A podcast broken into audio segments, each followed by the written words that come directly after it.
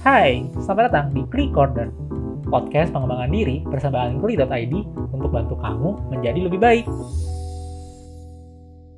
Halo Prison, kembali lagi di Klik Order Podcast with Clear Expert. Kali ini aku bareng dengan Kak Elita. Halo Kak Elita. Hai. Nah hari ini kita mau ngobrolin tentang ini sebenarnya umum aja ya. Kita ngobrolin santai-santai aja ya. Kita Oke. mau bahas tentang orang yang suka self diagnose. Nah kita contoh aja deh kita baru-baru ini kan yang lagi booming banget nih kan filmnya si Joker ini ya. Mm-mm. Terus habis itu juga kita lihat banyak banget orang yang bahas kayak ih ya gitu deh kalau misalnya orang baik terus sakit itu jadi jahat. Terus habis itu orang-orang tuh cenderung self diagnose iya nih gue juga depresi misalnya kayak baca artikel atau apa pokoknya kan orang cenderung langsung melabel diri setelah melihat suatu hal yang mereka lihat Mm-mm. gak usah hal yang booming deh hal yang gak boomingnya kadang mereka setelah Iya. mereka langsung percaya nah menurut Cici ini sebagai seorang psikolog nih gimana sih ini fenomena self diagnose ini yang sebenarnya diikutin oleh karena awareness yang semakin meningkat jadinya self diagnose nih? Menurut Cici gimana? Iya sebenarnya kan kenapa bisa sampai self diagnose itu kan berawal dari ini ya biasanya kita kayak kita baca terus kayak ini kita banget kita banget gitu kan. Padahal kalau baca-baca artikel itu kan kadang tuh kita nggak tahu ya. Misalnya dibilang kayak eh, sedih yang terus menerus terus menerus itu kan nggak jelas kan yang seperti apa. Kalau mungkin kita misalnya merasa sedih ya memang kita sedih. Tapi terus menerus yang bisa dibilang kayak gejala depresi misalnya kan biasanya itu sedih terus menerus gitu ya. Itu kan untuk sampai di diagnosa itu sebenarnya kita punya kayak uh, panduannya tuh bisa dibilang uh, depresi itu berapa lama gitu. Itu yang sebenarnya biasanya tidak disampaikan di artikel-artikel. Kalau di artikel-artikel cuma ditulis kayak gitu tuh terus menerus nah gara-gara yang baca adalah orang awam terus akhirnya kayak oh ini aku nih rasa nih aku nih sedih terus menerus berarti aku depresi. Itulah yang sering terjadi. Jadi terjadi ketika artikel yang dinaikkan itu sebenarnya kan tidak memuat selengkap untuk kriteria suatu eh, gejala gangguan sebenarnya. Tuh.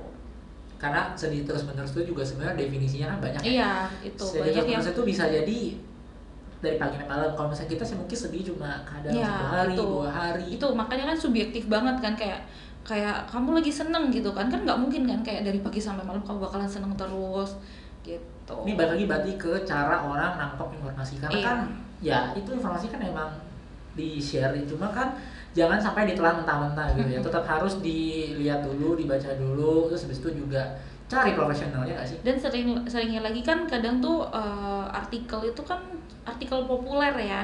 Jadi yang disampaikan itu juga ya yang ringan-ringan biar enak dibaca biar mudah dibaca oleh orang awam gitu. Itulah yang membedakan. Sedangkan kalau untuk sampai diagnosa itu kan nggak bisa sekedar hanya berdasar hal-hal yang populer nggak bisa hanya berdasar hal yang awam gitu. Karena kalau sebenarnya kalau cara kerja psikolog sendiri untuk bisa sampai diagnosa itu selain butuh tadi ya observasi butuh juga wawancara bahkan pada beberapa kasus juga butuh uh, dengan alat tes gitu. Nggak cukup hanya cuma berdasar perasaan kamu doang. Oh kamu sedih. Oh kamu merasakan kesepian. Oh berarti kamu depresi. Nggak bisa kayak gitu. Cuma subjektif dari si tadi si satu orang itu. Nah di Kli sendiri kan banyak banget ya Ci, kasus-kasus tentang self diagnose ini nah eh, mungkin kita boleh kita kita cerita-cerita sedikit nih Hmm. alurnya itu mereka harus ngapain dulu. Nah kalau dari aku nih biasanya aku selalu bilang mereka harus konseling offline dulu. Karena kan online itu kan hanya lewat chat. Mereka kita nggak bisa psikolog kan nggak bisa observasi kan? Mm-mm, jadi kita betul. lebih sarankan mereka untuk offline. Nah mungkin Cici boleh sambung lagi nih habis dari offline tuh mereka harus ngapain? Oke, biasanya sih kalau misalnya memang di daerahnya dia masih susah psikolog gitu ya, biasanya sih memang kalau untuk bantuan pertama online boleh lah. Tapi juga jangan kemudian berharap di, di dalam konseling online itu terus tanya, berarti aku diagnosanya apa ya kak? Itu nggak bakal bisa, kita nggak bakal berani. Kode etik kita pun tidak bisa uh, memungkinkan hal itu. Memang lebih baik sih kalau kamu merasa bahwa kondisi kamu sangat gawat, sangat sulit ya konselingnya adalah offline konselingnya langsung yang perlu kamu lakukan bisa cari psikolog terdekat di tempat kamu bisa juga sekarang di puskesmas sekarang juga banyak psikolog kan di puskesmas nah itu bisa untuk uh, awalnya sih di awal untuk mulai uh, cerita nih sebenarnya apa yang kamu alami apa yang kamu rasakan. Nah kalau nextnya itu juga tergantung kasusnya masing-masing. Ada yang memang kemudian kamu butuh konseling teratur ada yang kemudian kamu butuh uh, psikoterapi butuh penanganan lanjutan. Itu nggak bisa di general generalisir sih karena tiap kasus beda gitu. Nah sama sih karena karena kan juga ada yang maunya di terapi langsung ya kan oh, kayak mungkin karena setelah baca artikel misalnya mm -hmm. contohnya misalnya artikel depresi mereka harus diterapi dengan misalnya hipno gitu iya. mereka bakal minta langsung kayak aku mau dong di hipnoterapi sedangkan mm -hmm. kan untuk hipnoterapinya sendiri itu kan nggak bisa yang langsung untuk semua orang bisa iya. gitu kan mm -hmm. karena kemarin aku juga sempat ngobrol-ngobrol mm -hmm. sama Kak Deora jadi emang ada beberapa kasus di mana orang itu nggak bisa dihipno mm -hmm. jadi kan yang selama ini beredar di masyarakat yang salah adalah itu karena mm -hmm sebenarnya terapi bisa bantu tapi nggak semua jenis terapi itu cocok buat semua orang iya. kan? Itu yang sama ini orang tuh salah tangkap karena sebenarnya kan terapi itu juga kayak kita minum obat ya cocok-cocokan gitu. Ada orang yang cocoknya uh, tadi misalnya cocoknya di no ada ataupun jenis terapi yang lain. Jadi nggak bisa tuh datang-datang. Ya sebenarnya kan mirip kayak ke dokter ya. Kamu nggak bisa langsung dok saya mau minta obat ini ini ini ini.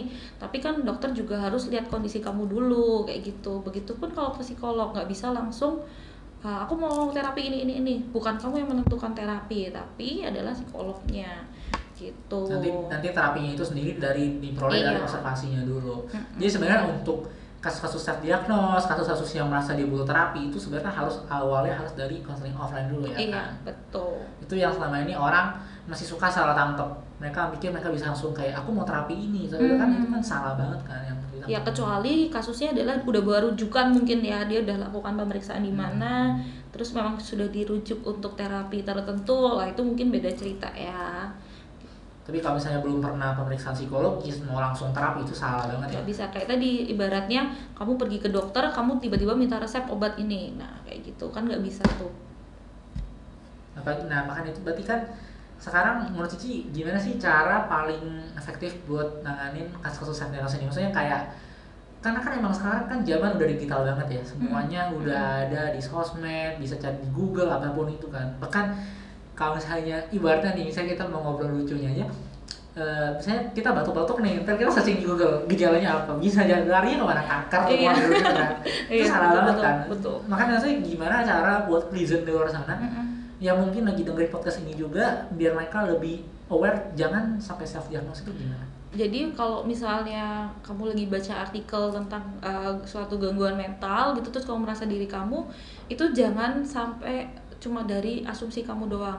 Tapi kamu bisa coba juga misalnya tanya ke orang di sekitar kamu bener nggak sih uh, kamu tuh kayak gini? Dan yang paling penting adalah lihatnya mengganggu keseharian kamu atau enggak. Kalau misalnya hal itu masih dalam tahapan wajar jadi kamu tidak terganggu dari segi relasi bersama saya orang tua kamu pasangan kamu teman-teman kamu ataupun pekerjaan uh, belajar kamu itu berarti sebenarnya kamu belum tahap di gangguan.